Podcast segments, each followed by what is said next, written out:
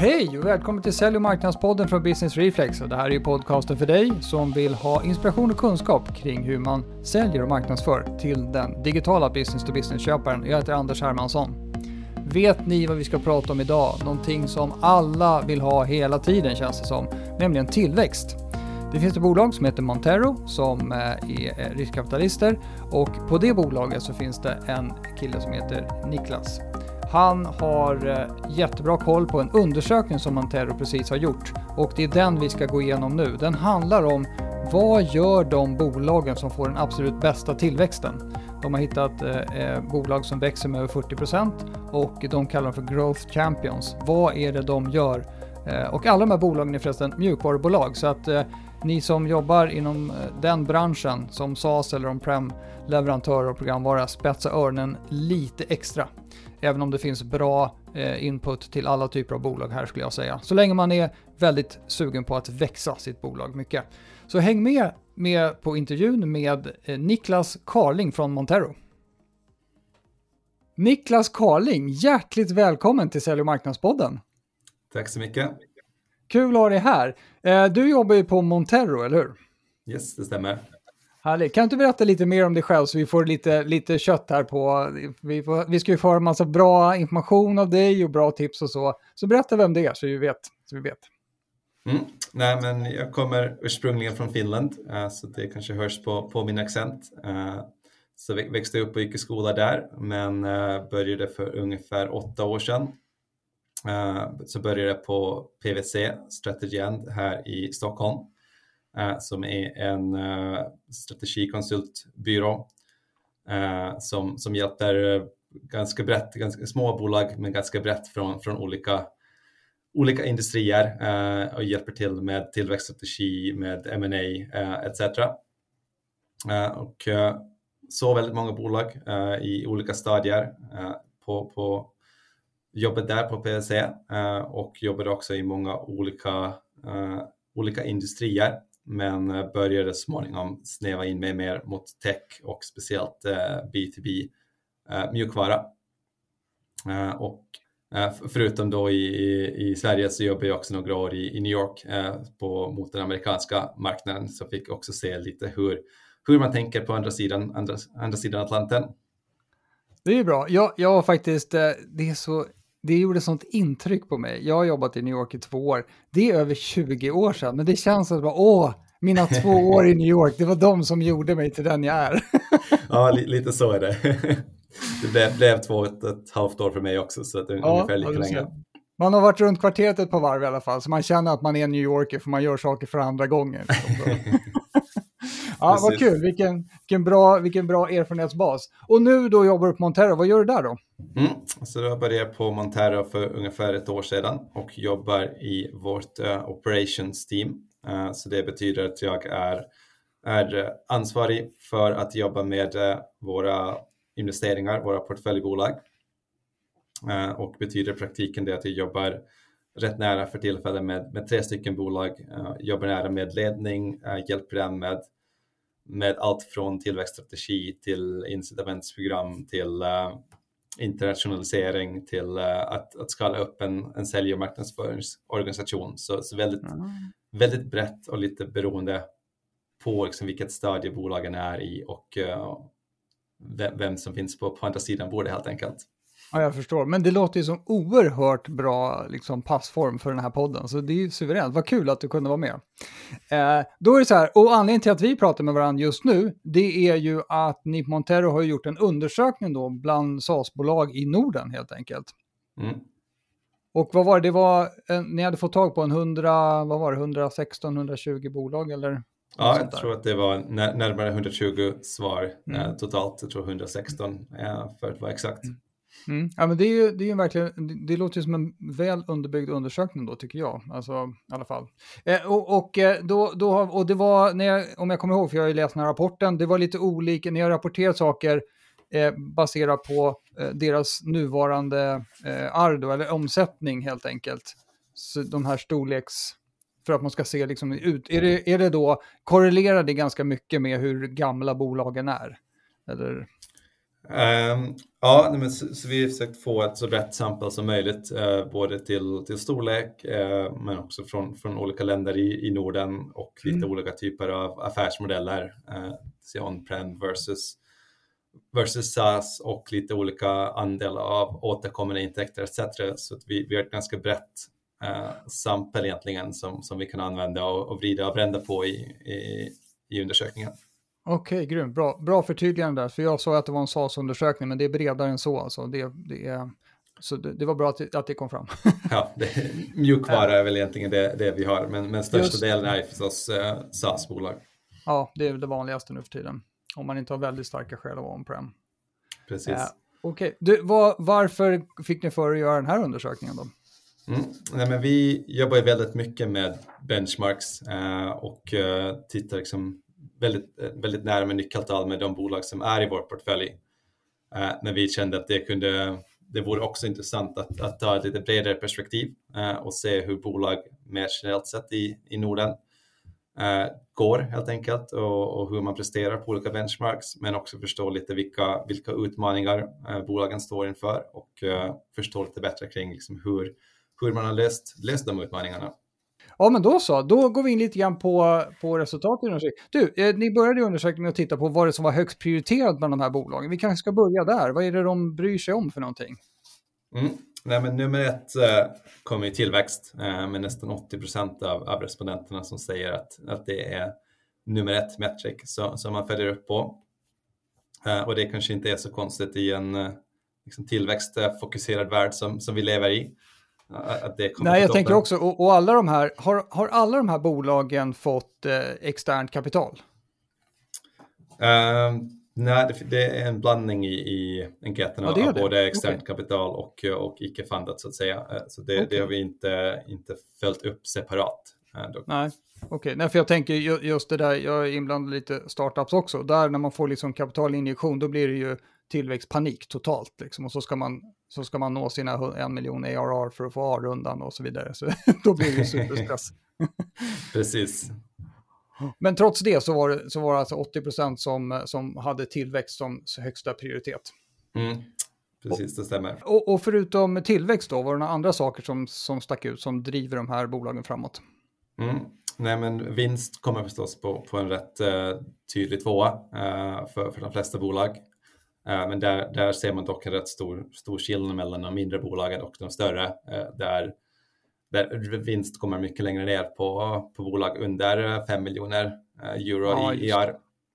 Ja. Men, men desto större man blir, desto mer fokus blir det helt enkelt på, på vinsten också. Just det, jag fattar. Det låter lite logiskt. Jaha, uh, vad kul då. Okej, okay. growth, tillväxt. Vad är det de här bolagen då gör för att växa? Mm. Men vi, valde egentligen att titta på resultatet i, eh, på, på tillväxtbolag egentligen ur uh, linsen 40 procents tillväxt. Och det vill säga vi skapade en grupp som vi kallar Growth Champions och det är ah. bolag som växer med mer än, än 40 procent per, per, år, per år helt enkelt på, på intäktssidan. och då ville vi kolla upp vad gör de här bolagen annorlunda eller hur ser de här bolagen ut som, som lyckas med med den här starka tillväxten. Eh, och eh, några saker som, det är några saker som kom fram väldigt, väldigt tydligt. Eh, och ett är förstås storlek på bolag, vilket kanske inte är så överraskande. Det är lättare att växa snabbare om, om man är lite mindre procentuellt. Ja, procentuellt. Ja, exakt. exakt. Men också i de här Growth Champions fanns det en, en hel del också större bolag med liksom, som, som vi kunde titta på i, i, vårt, i vårt sample. Okej. Okay. Uh, och, och, och, vad är det som, om, om man tar ut den här 40 plus-gruppen då, vad är det som liksom är signifikant för dem som de gör för någonting? Mm. Ja, men en sak uh, som de gör, eller som också ser annorlunda ut, är lönsamhet. Uh, så att uh, 40-plussare hade en, en lönsamhet på 0 uh, jämfört med 11 för, för alla övriga i, i, i vår enkät. Eh, så det är väldigt tydligt att man satsar på, på tillväxt eh, och man satsar till exempel på eh, mycket på sälj och marknadsföring. Det är något som, som kommer upp som väldigt tydligt för, för de som, som växer snabbare. så det som vi tror liksom ändå är att det är viktigt här att ta med sig och det som vi också jobbar väldigt, väldigt mycket med i, i våra bolag är förstås att man, man, satsar, man satsar på tillväxt men man satsar också på, eller man vet vad man satsar och håller koll på det man, det man investerar helt enkelt. Så att det inte blir tillväxt till varje pris, utan det är ju otroligt viktigt att man också har koll på liksom hur, mycket, hur många kronor lägger man in, investerar man i verksamheten och, och vad får man ut av den? Så att man har någon typ av effektivitetsmått i det hela. Just det, för, för jag tänker den här eh, lite grann svenska, kanske nordiska ådran. Man är så ingenjörsdriven, man ska bygga ett, ett, en fantastisk produkt. Och sen kommer det att sälja sig av sig självt. Liksom. Eh, det är väl en ganska gammal missuppfattning, men hur, har ni hittat några sådana tendenser på någon sorts bottenskrap här som inte, som inte växer? ja, nej, men det, det, är en väldigt bra observation och det, det är kanske någonting som vi ser ofta, kanske inte direkt i enkäten, men med många bolag och många grundare vi, vi pratar och, och jobbar med. Mm. Märker man att man satsar väldigt mycket på, som du nämnde, produkten och man skapar liksom en väldigt bra upplevelse för kunden och, och är väldigt kundfokuserad. Mm. Men sen ser man ofta liksom en investering i sälj och marknadsföring som en direkt kostnad och känner sig kanske lite ovillig att verkligen ta, ta den investeringen för, för tillväxt. Eh, och det är något som skiljer sig väldigt mycket tror jag från, från Norden gentemot eh, USA där man har en helt annan, helt annan approach eh, kring, kring tillväxt. Ja, verkligen. Eh, att man måste, man måste verkligen driva tillväxt snarare än att den ska på något sätt komma av sig själv för att man är duktig. Precis, det är många många mindre mjukvarubolag i Norden som, som lever på att kunder ringer till dem helt enkelt och säger att uh, gör en beställning och man blir en mottagare, ja. mottagare av order och, och inte liksom går ut proaktivt på, på marknaden. Nej, och då kommer man, det, det går inte tillräckligt snabbt tillväxtmässigt helt enkelt. För jag tänker bara också, det här med tillväxt, varför är det så viktigt då? Att, att man ska växa så jäkla fort? Det, alltså det känns ju som att det, det kanske blir liksom som en schweizerost alltihop om man nu ska braka på sådär. Ja, nej men det, det är en bra fråga uh, och, och, det är ju klart att man får, man får titta på varför, uh, varför man vill växa och vad, vad drivkrafterna bakom där verkligen är. Uh, men, men tittar vi på B2B software och, och software överlag där du har recurring revenue så har du ofta liksom en en kostnad idag och en, en vinst flera år fram i tiden. Och för att du då ska kunna finansiera din, din, utveckling av produkten helt enkelt så behöver du få en tillväxt ja. framöver och en tillväxt som du kan räkna med helt enkelt. Just det, så det kanske inte bara är att, att jaga en snabb exit utan det finns ett, ett mer företagsekonomiskt perspektiv på det också. Ja, ja verkligen. Mm det är lite sunt trots allt. Så att inte alla bara ska bli unicorns och casha ut och sen leva på sin private island. Ja, och där, där jobbar vi kanske lite olika också på, på Montero i och med att vi endast jobbar med B2B eh, där, där, du inte har den samma ska säga, explosiva tillväxt kanske som du ser på många B2C techbolag ja, där, där det bara sticker iväg uh, om man ska satsa allting eller, eller gå bankrutt, uh, bankrutt helt enkelt. Uh, så där, Exakt där, där, har vi en, jag tycker med, med en B2B-modell eh, och speciellt B2B-software eh, så är det mycket mer byggnadsblock efter byggnadsblock och så bygger man upp en, en verksamhet eh, som, som är sund och, och, fungerar. Känns bra, känns bra tycker jag. Eh, Okej, okay, så, så det sticker ut då att de som växer fortare, de investerar medvetet i, i tillväxten i form av försäljning och marknadsföring. Eh, och de har liksom koll på grejerna så att de inte bara sprätter iväg pengarna åt alla håll och kanter. Eh, vad förstod. Eh, för det står så här 0% marginal. Är det verkligen noll eller har ni sagt så här noll eller tokförlust? Eller är det verkligen noll? Um, det är ju ett, eh, ett medeltal räknat, uh, så, så mm. den är uh, noll, 0 procent mm. ungefär på, för medeltalet okay. för, för den. Så det är klart att det finns ett exempel, det finns vissa som, som förlorar pengar och vissa som har, har en liten lönsamhet. Just det. Ja. Eh, och, och eh, det här med eh, recurring revenue då, då att man satsar på den modellen. Finns det, det sticker ut då, så att de som tjänar, eller förlåt, de som växer snabbast, de har den modellen. Ja, 77 procent av det vi kallar growth champions har, för Growth Champions har 77 procent av sin omsättning som, som återkommande versus 69 procent då för, för de övriga. Så Just. det är, vad blir det, 8 procentenheter högre andel recurring revenue för Growth Champions jämfört, jämfört med övriga. Just det. De, de här bolagen, nu vet jag inte om det fanns någon sån siffra, eh, om, om det har de här konsultintäkter också? Ser man någonting på det? För jag menar, det är ju många B2B-lösningar som man tror att man ska hitta på någon sorts self-service-recept eh, och så och no touch business helst, att det ska bara hända av sig självt. Men så märker man att det behövs en hel del implementationsresurser för att få igång lösningar. Har ni tittat någonting på det? Mm. Ja, men det vi ser i enkäten här är ju att eh, de bolag som växer snabbare har en högre andel recurring services, det vill säga mindre andel konsultintäkter eller, eller andra, annan typ av ingångsintäkter. Mm. Uh, och det vi ser, liksom, det som vi ofta styr bolag till och det som vi ser det positiva i modellen med SaaS är att du bygger upp en, en kundbas år för år och så lägger du till och, och har med den kundbasen in, in på nästa år. Uh, men, men samtidigt med det sagt uh, så kan man inte heller vara rädd för konsultintäkter och många bolag kan ha en, en väldigt fin tillväxtresa framför sig med konsultintäkter som, som bidrar till, till både lönsamhet och, och tillväxt. Ja, just det. Uh, för, för det är ett, ett misstag som många bolag kanske gör är att också att man vill, man stirrar för mycket på recurring, recurring revenue helt enkelt uh, och ger ifrån sig gratis onboarding, gratis uh, extra tjänster och, annat till, till kunder. och då får man igen svårt att få, få ihop kalkylen kring, kring lönsamhet och verkligen få en, en verksamhet som är sund eh, framåt. Så att, eh, vi tycker man ska, man ska definitivt styra efter recurring revenue och, och se det positiva i den modellen, men, men inte stirra sig blint på, på endast en siffra eller ett mål som, som man vill nå. Ja, jag fattar, men, men det är bra input tycker jag, för det, det är väl min erfarenhet också, att man, man är livrädd för att helt plötsligt börja bli värderad som ett konsultlåda.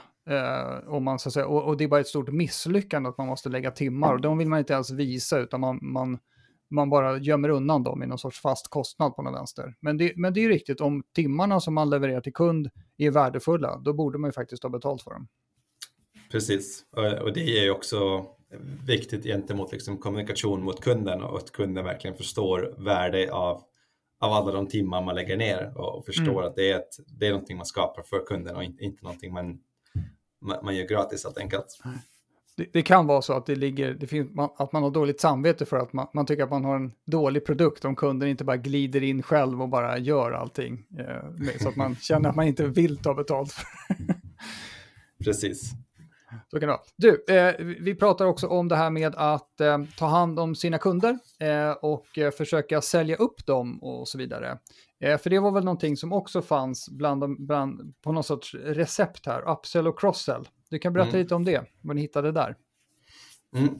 Ja, men upsell och crosssell kom väldigt högt på när vi, när vi frågade respondenter kring deras, uh, vad som är top of agenda för, för tillväxt under, under kommande år. Uh, och det är väl en väldigt gammal sanning att uh, det är mer effektivt eller billigare att sälja till existerande kunder jämfört med, med nya. Och det, det är någonting som, som många ledare i, i vår enkät verkar ha tagit till, till hjärta. Just det. Ja, men det som dock var intressant liksom är att många, många prioriterar upsell och cross-sell väldigt högt, men en rätt stor del av, av bolagen som mäter inte net revenue retention eller, eller andra mått för, för cross-sell och upsell och uh, ännu färre ser det som sin top metric som, som man verkligen följer upp och, och styr verksamheten på. Okej, okay. jag, jag kan relatera till det också. Det är ju det är många bolag som som man har varit i kontakt med som verkligen styr på nya loggor in. Det ska vara in nya mm. kunder hela tiden så att säga. Och sen så är det någon annans bekymmer om man har körn i andra änden så att säga. Eh, hur, hur, hur, har ni sett någonting kring eh, prismodeller och eh, ja, man, man behöver ju då ha en produkt som kan expandera hos kunden. Eh, alltså hur, hur strategiskt har, har bolagen tänkt här, de som är de, de riktigt duktiga tillväxtbolagen? Mm. Att det finns ja. grejer att sälja vidare till kunder och så vidare. Hur, hur man expanderar. Land and expand-strategier.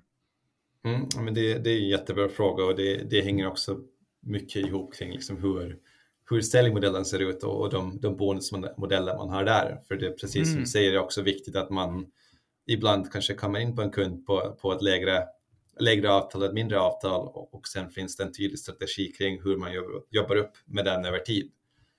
Uh, så där finns ju liksom flera, uh, flera väldigt fina modeller, men dels kan det handla om att du har en tillräckligt bred produkt där du kan komma in med ett tydligt och lösa ett tydligt problem i början, men där du vet att det finns finns en möjlighet att, att gå längre in i organisationen och addera på flera moduler till exempel. Mm. Eller så handlar det ofta också om att, att gå in till att, att sälja en mindre produkt till ett, eh, till ett mindre team i början. Eh, så att man kanske går in och, och säljer liksom till, till ett litet team på, på 15 personer en, en lösning som löser problemet där och, och sen växer man inom organisationen till fler och fler användare. Både Just det, och sen går man till slut upp till ledningen och säger, borde inte vi ha en site license här för att det är, nu har ni så många öar. Precis. Mm, just det. Um, det, jag tror jag, jag läste någonting om Slack, att det var väldigt utpräglat där hur de liksom skapade små öar. De behövde ett visst antal personer, om det var sex personer eller någonting, i en Slack-klump. Och sen kunde de, sen, den, då var den sustainable och sen kunde de liksom sprida. Hade de flera sådana, sen kunde de gå in och ta hela bolaget så att säga. Precis, och där finns ju en väldigt, uh, en, en, väldigt liksom enkel modell för, för att sälja i början. Uh, där jag tror att du kan gå in och uh, många bolag som, förutom Slack också, som erbjuder en, en online sign-up egentligen på, på kreditkort. Så då ja. går det ju väldigt enkelt och väldigt snabbt och, och går också snabbt att, att sprida ut i organisationen. Men, men det gäller ju att man är medveten om att man har den modellen så att folk följer upp på det sen och hjälper kunden att expandera och få mer värde. För jag menar, om man bara lämnar det så är det inte alls säkert att det går på det viset. Precis, så, så är det. Mm. Okej, okay, eh, så då då är frågan här kring upsell och crosssell. Vad var det, om man tittar på de här olika, fyra olika storleksgrupperna, vi har egentligen inte sagt liksom vilka de grupperna är, men vi tar, om vi tar dem nu då, så det är 0 till 1 miljon euro i AR. Och sen är mm. det 1 till 5 och 5 till 10 och sen är det större, över 10 miljoner euro. Och om man kollar på det här med upsell crossell där då, då hur ser fördelningen ut mellan de här storleksgrupperna och även Growth Champions och andra. Mm. Uh, men tittar vi på storleksgrupper först uh, så var det egentligen rätt intressant att uh, mindre bolag verkar ha verkar vara bättre på det helt enkelt. så mm. normalt kanske man ser att när du växer upp i storlek och får en större kund, kundbas, det är då du börjar jobba mer med, med eh, din kundmassa eh, och, och, att sälja upp och att, att jobba med, med stakeholders etc. Eh, men i, i vår enkät ser vi att, att mindre bolag verkligen var snäppet bättre eh, på, mm. att, på att jobba med eh, net revenue retention och hade högre, högre tal på det. Spännande, för jag menar det, det är ju då ett tips till alla som lyssnar på det här avsnittet som jobbar på ett större bolag, då, då finns det en enorm potential där eftersom man då har en stor kundbas och faktiskt börja systematisera det. Precis. Uh, och jämför vi då Growth Champions uh, så uh, ser vi också mycket bättre resultat förstås för, för dem. så deras net revenue retention låg på 130 procent versus då 120 procent för, för övriga. Mm. Så det betyder ju att Growth Champions får med nästan nä, nästan en 6-7 procent mera i tillväxt varje år på den existerande kundbasen gentemot, gentemot de övriga. Mm. In, innan man har fått en enda, enda ny kund helt enkelt. Just det. Det låter väldigt bra. Och, och vad, vad, är det för, vad är för resurser man satsar på? Om det finns någon så här resursallokeringsskillnader mellan de här bolagen som gör att de faktiskt lyckas olika bra? Mm.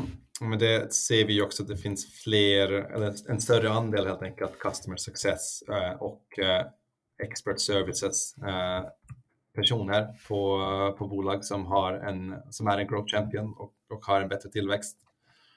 Eh, och, och, där tycker jag, liksom, ser vi också att det är väldigt tydligt att det är väldigt viktigt att man verkligen tänker kring customer success-rollen eh, och, och, vem, hur man bygger upp det teamet eh, så att man har rätt kompetens, man har rätt, eh, rätt verktyg, eh, man har rätt eh, målsättningar och, och ansvarsområden för, för customer success-organisationen så, så att det verkligen kan lyckas lyckas med sin uppgift.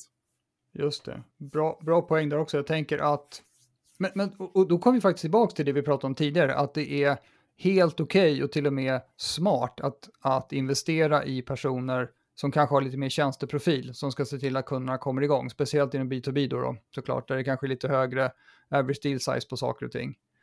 Mm, eh, precis. Mm. Eh, jag tänkte på en sak med att just, det, det, jag vet ju, det finns vissa bolag som kallar för att de har en supportorganisation och andra som kallar för att de har customer success. jag vet mm. inte om det var någonting som framkom i undersökningen, men det, det känns som att det blir två väldigt olika kulturer av de här sakerna. Att man är mer någon funktion som hjälper kunden när det blir problem, eller man är någon som bär kunden till framgång så att säga.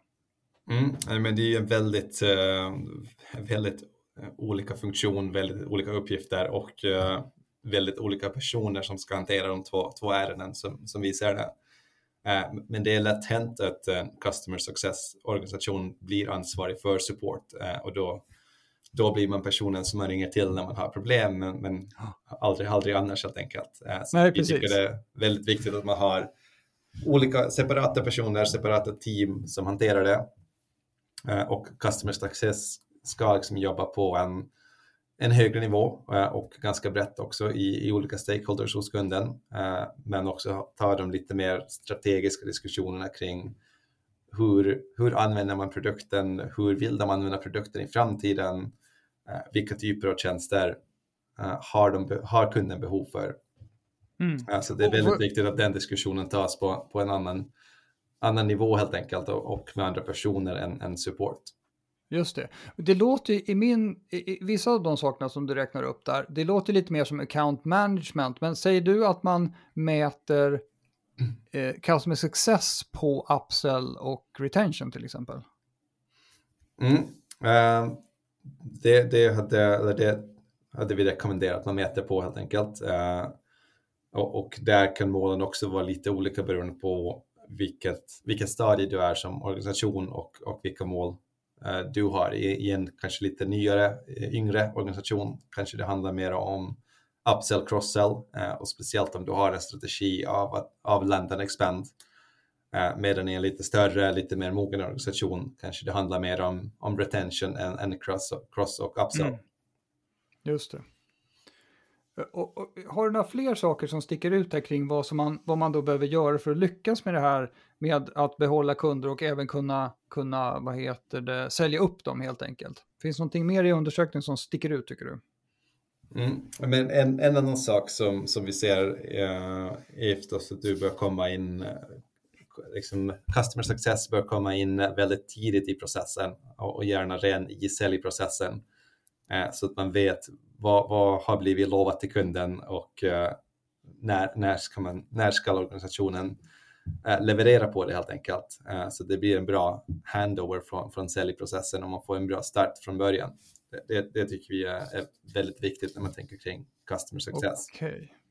Och det, det, kan rent av vara ett säljargument också, att man får förtroende för en, ett projektledare, vad det kan vara för någonting som ska komma in efter man har skrivit på kontraktet. Precis. Ja, men grymt. Jag fattar. Det är väl klassiska, de här handovers mellan olika funktioner inom bolaget. Det är väl där det är stor risk att det, att det blir strul och så blir kunden lidande och i längden man själv naturligtvis. Ja.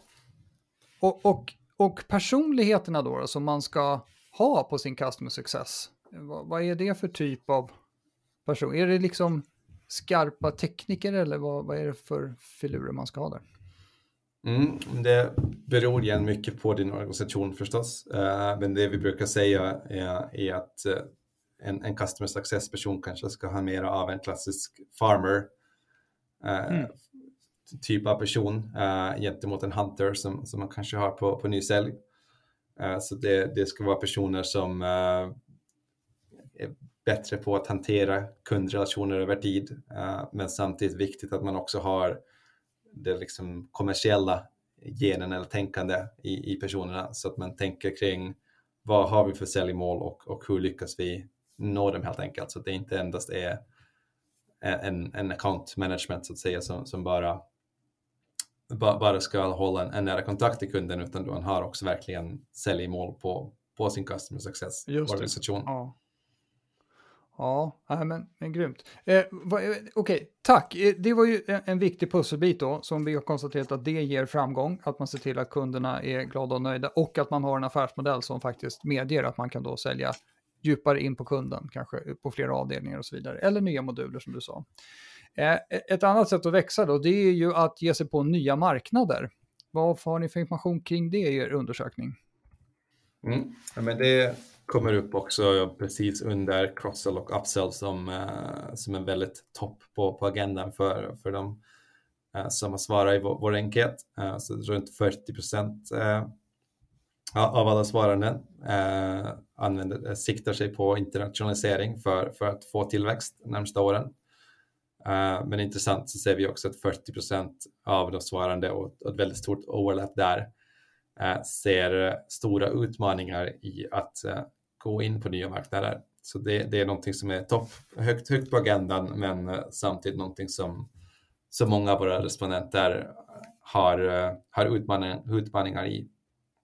Har, har du någon, någon insikt kring hur man brukar göra när man ska gå ut internationellt i de här sammanhangen? Vad är de normala stegen som folk, eller de vanliga stegen som folk tar? Normalt steg ofta för speciellt oss, oss här i Norden är, är, kanske att man går in i ett annat nordiskt land eh, som steg ett. Man tycker att det är, det är nära, eh, det finns en liknande kultur, man har kanske lite överlappande kunder. Eh, men där brukar vi ofta utmana eh, de bolag som, som vi jobbar med och fundera, är vårt grannland verkligen det bästa, bästa marknaden för vår produkt eller finns det andra marknader till exempel i Europa som eh, där, där det finns ett bättre helt enkelt product, product market fit. Eh, mm. Vi har kanske partners som är aktiva också där eller vi har kanske också kunder som, som finns på tyska marknaden eller i, i UK. Uh, eh, så kanske lite, ett, ett, tips som vi ger är att ofta titta lite bredare än endast liksom gå på det självklara grannlandet. Ja, just det. Det kan vara någon falsk trygghet att det, man kan åka, ta bilen till Oslo. Precis. ja, Nej, men det, det, låter bra. Jag, jag, eh, det jag, i de, eh, som jag, i de situationer med internationalisering eller nya marknader som jag har varit med om, då är det alltid så här, är det någon som känner någon norrman som vi kan lita på? Så vi kan anställa en country manager det första vi gör. Är det så man liksom, när man väl har bestämt sig för land, är det så man gör då? Man anställer en country manager först och sen ska den personen ringa kallt och försöka få lite kunder. Um, det, det, är väl ett av våra tip, första tips vi också säger att man inte ska göra. Så vi säger don't, don't hire a country manager. Uh, och vad vi menar med det egentligen är att den första rollen bör vara mer sälj och kommersiellt fokuserad. Och titeln country manager är kanske ibland lite för administrativ och, och blir ett fokus på att, uh, att bygga en organisation och, och, och göra den, den bitarna medan den första personen i en ny marknad tycker vi i alla fall bör, bör vara mer kommersiell än, än, än sälj, sälj och marknadsinriktad person. Uh, men samtidigt förstås en person som har lite höjd och, och har en möjlighet att, att, att, bygga ett team på sikt helt enkelt. Oh. Det, det låter ju som en, en, bra insikt för att det, det, kan ju vara så att man, man tar kontakt med någon seniorperson som har gjort det förr etc. Och så inbillar man kanske varann att den här personen ska gå ner på en väldigt taktisk nivå igen efter att ha varit, inte vet jag, vd eller landschef för något annat bolag. Och det är klart att det kan man ju göra under en kort period, men jag tror det börjar, som du säger, det börjar nog klia i, i muskeln att bygga organisation så fort det bara går. Att man behöver lite, lite säljare på plats och lite så vidare. Precis. Ja, och, det andra tipset vi, och det andra tipset vi ofta har är också att du, du bör anställa lokalt. Uh, första country eller sales director uh, lokalt bör kanske vara någon som, någon som har koll på marknaden och känner kunder. Uh, men samtidigt är det också viktigt att, att, att, vi skapar en brygga till huvudkontoret och skickar ut personer, åtminstone en, en eller två från, från huvudkontoret som har en bra Eh, som förstår produkten eh, och verkligen förstår liksom det värde som vi skapar för, för kunder och har ett stort internt nätverk. Eh, så att vi Just har det. på det sättet liksom skapas en, en, en mycket närmare relation mellan det nya landet och, och huvudkontoret. Just det, kultur, kulturbyggare också, för att det ja. kan ju fara iväg. Mm. Precis. Just det. Jag har ett, en, en, en, egen hypotes, kanske ett tips också. Det är att man börjar, eh, när man bestämmer sig för att man ska in i Holland, då börjar man ganska omedelbums att eh, skaffa sig en digital närvaro på den marknaden innan man börjar anställa folk. För att eh, om man eh, ska anställa sin första säljare och det är bara tomt, det är ett ekande rum med en telefon och inga, inga tavlor, då blir det jobbigt. Men om man har jobbat upp möjligtvis en pipe eller några konverteringar på sin sajt och så vidare, så det finns någonting att börja med, så tror jag att starten blir mycket enklare för den där lokala resursen. Det är bara min take på det hela. Ja, nej, men det, det håller vi definitivt uh, med om. Och jag tror att i, i det jobb du gör när du utvärderar en ny marknad uh, så bör du också prata med kunder och potentiella mm. kunder och, och redan försöka skapa en, en liten pipe. sen beror det förstås mycket på vilken typ av produkter du säljer. Om, om du mm. säljer, säljer en, en mjukvara för en miljon per, per, år så kanske det är svårt att sälja det på en endast online-närvaro. utan då mm då kanske man börjar lite från, från ingenting, men, men säljer man lite mindre enklare produkt uh, så kan du redan ha en, en fin pipe som du, som du köter från huvudkontoret och, och driver med, med online, online marknadsföring lokalt uh, och på det mm. sättet ha en, en fin pipeline för den första säljaren att börja bearbeta från, från dag ett. Sant. Eh, så om man tittar på, eh, vad heter det, de övriga utmaningar som de här bolagen då eh, har sagt att de har. Eh, då har ni pratat om sales execution, men det finns väl några andra utmaningar om man skulle ta upp topp tre här? Mm, men sales execution kommer ju högt eh, och internationalisering som vi förstås redan har pratat om. Mm. Uh, men sen kommer också hiring and recruiting talent uh, så, som en nyckelutmaning och det är väl någonting som jag tror har blivit ännu tuffare sen enkäten gjordes också i, i höstas. Ja, och, och i det, för det vet man, det, det, jag, jag, tycker själv att det är svårt att hitta både sälj och marknadspersonal, men det som man ständigt hör är att techpersonal är totalt omöjligt att hitta. Är det, är det det som sticker ut här? Är det det man menar, eller är det inom det område som vi har pratat om hittills som man också har problem att hitta folk inom sälj och marknad?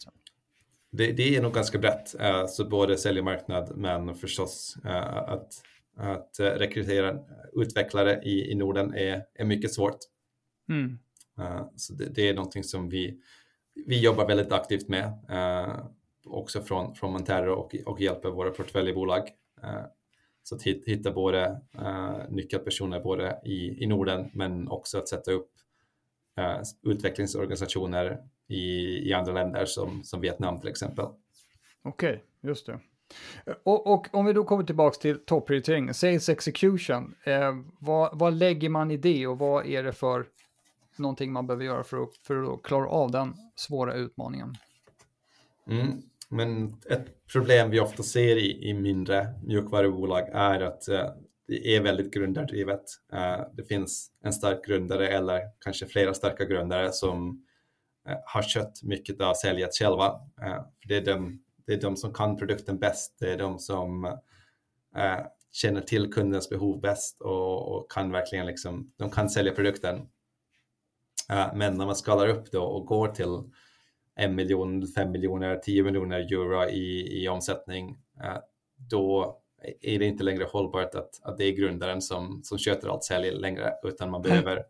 behöver bygga upp en organisation, eh, både på sälj och marknad, som kan skala upp helt enkelt den, den affären. Just det. Det, det låter ju vettigt verkligen.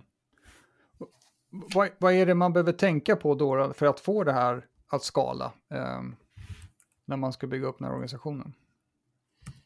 Mm. Men det finns, äh, finns många tips och tricks äh, kring, kring sales execution. Jag tror att äh, det, det, är ni experter på här på podden och många andra gäster också. men det som jag kanske kunde lyfta fram från, från, min sida och också relaterat till, till den, den enkäten vi gjorde är CAC Payback som, som ett viktigt metertal. det står för Customer Acquisition Cost Payback, det vill säga hur länge tar det för dig att återfå den investering du gjort i säljarmarknad uh, för, för en ny kund? Mm. Och det är relaterat lite till det vi pratade om i, i, i början eh, kring tillväxt versus lönsamhet. Eh, så vi, vi tycker liksom att det är viktigt att, och det ser vi i enkäten, det är viktigt att, eh, att bolag vågar satsa på sälj och marknadsföring, eh, men också viktigt att man vet vad man får tillbaka och, och då är CAC Payback ett väldigt bra mått Eh, för, för att se hur effektiva är vi om vi, om vi investerar mer pengar på, på tillväxt genom sälj och marknadsföring. Mm, just det. Och, och, och där, där är man beredd att investera mer helt enkelt. Då växer man fortare. Så att man är beredd att ta en, en längre återbetalningsperiod på. Eh, jag skulle säga så här, om, om, du, har ett, om du vet vad, vad din återbetalnings, återbetalningsperiod är Eh, och du känner dig säker på att den kommer vara på samma nivå framåt, eh, då kan du känna dig trygg i att investera mer pengar. Mm. Och också när du investerar mer pengar så kommer du antagligen att se din återbetalningsperiod går upp eh, i och med att du kanske går in på nya segment eller nya marknader och, och inte längre är lika effektiv. Eh, och då är det viktigt att du följer upp det talet igen för att se att du du får ner din återbetalningsperiod och, och blir effektiv igen när du lär dig hur marknaden fungerar. Just det. Och är det, här, är det här exakt samma sak som LTV CAC, alltså förhållandet? Är det, mäter man samma sak eller är det, två, är, det två, är det två varianter på samma sak eller, eller mäter de olika grejer? Um, det, det, är två varianter på samma sak, uh, men vi brukar undvika uh, LTV CAC egentligen av den enkla orsaken att LTV, lifetime value, är väldigt svårt att, att räkna och blir väldigt mm. beroende av, uh, av dina antaganden du gör som, som det är svårt att, att ha en tydlig insikt i. Uh, så det finns en, en risk att man lurar sig själv uh, och räknar ett mycket bättre LTV-kackmått än, ja, än verkligheten. Just det, man tror att man, man, man ser nu att man kommer att ha kunderna kvar i tio år. Liksom. Ja. Och så vart det inte så. Ex exakt, så, så där, därför brukar vi rekommendera, speciellt för är du ett mer moget bolag, större, du har funnits på marknaden i 20 år och, och, du vet exakt hur dina kunder beter sig, ja, då kan du börja räkna på, på LTV. Men eh, annars brukar vi rekommendera att titta mer på, på CAC Payback som är, eh, är lite enklare eh, och lite närmare eh, nyckeltal helt enkelt. Just det. Grymt. Vi ska naturligtvis lägga ut en länk i show notes till, den här, eh, till det här avsnittet så att eh, folk kommer till, kan komma till er sajt och ladda ner rapporten, för jag tror det är många som skulle vilja göra det. Så det, det tycker jag verkligen ska göra. Ska vi försöka summera här med någon sorts key takeaways för det som vi hittills har hört och det som ni har hittat när, vi har, när ni har undersökt den här intressanta marknaden? Mm.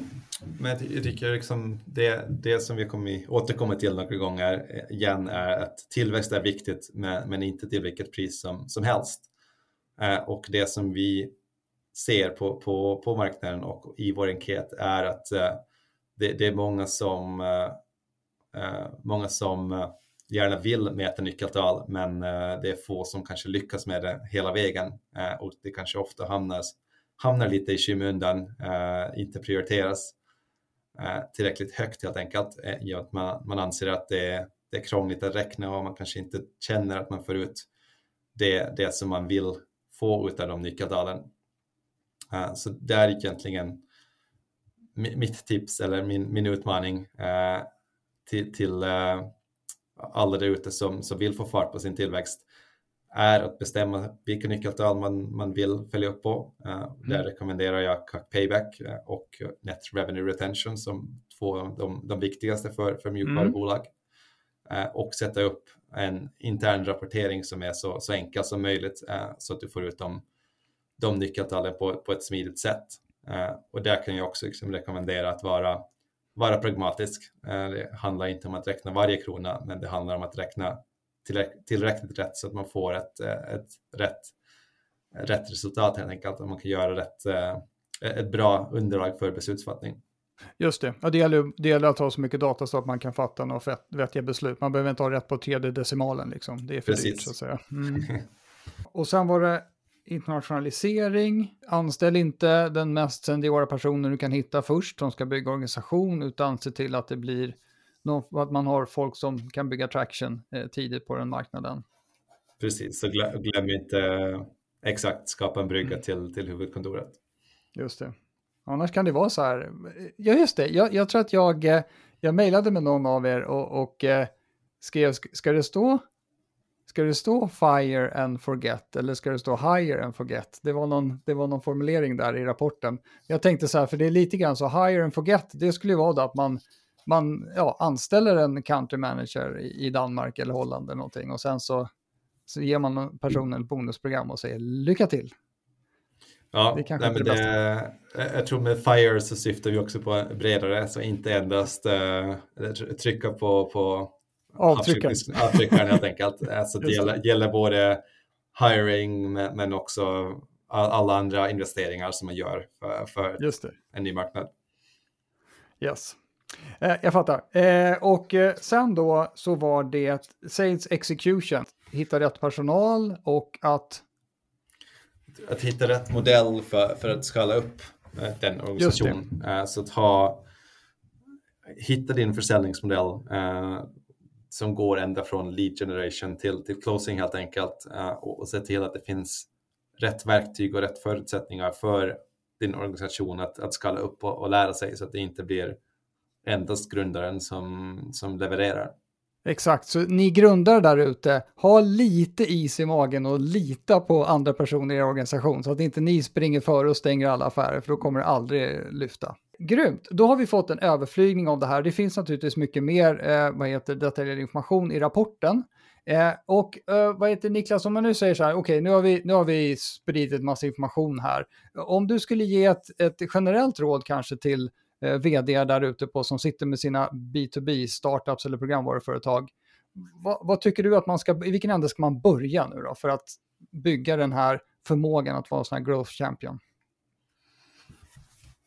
Mm, men äh, prata om, om många områden här förstås och det beror mycket på vilket, vilket stadie äh, man, man, är på sin tillväxtresa. Äh, men, men är man i i början, uh, låt oss säga en till, till 5 miljoner euro, uh, så handlar det mycket om sales execution som, som vi pratar om och att verkligen hitta den modellen, uh, bygga upp den modellen för kompetensförsörjning och ha en rätt modell för hur man säljer en produkt och hur kan du kommunicera det, det värde, erbjudande du mm. har internt till, till andra personer inom din organisation.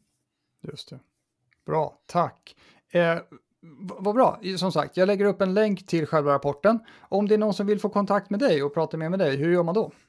Mm. Men man når mig mest på, på min e-mail, eh, så det är niklas.carling monterra.com Niklas med K och Carling med C. Toppen, då gör vi så här att vi servar den också, vi lägger upp den också i show notes så att folk kan klicka där och så kan de mejla dig om de, om de undrar eh, över saker relaterat till den här rapporten eller till andra saker. Du verkar kunna en hel del om det här. Mm, perfekt. Toppen. Men Niklas, tack så jättemycket för att du var med i Sälj och marknadspodden. Tack så mycket för att jag fick vara med. Bra, hej då. Hej då. Ja, det var allt vi hade att bjuda på den här gången från Sälj och marknadspodden. Hoppas du tyckte att den här undersökningen från Montero var intressant. Den finns ju att ladda ner då. Det är bara att gå till show notes och klicka på länken så kommer ni till landningssidan så får, vår Montero lite konverteringar också. Det är väl snällt. Eh, men de har gjort ett sånt eh, gediget jobb här med den här undersökningen så det tycker jag vi kan bjuda på. Eh, där i den finns det då mycket mer detaljerad information om det, det här som vi har pratat om idag än det som Niklas och jag gick igenom för det blir ju lite väl mycket siffror om man ska få reda på allting här.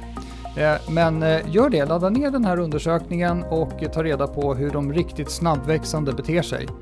Eh, men vad ni än gör där ute så ska ni vara relevanta. Hej då!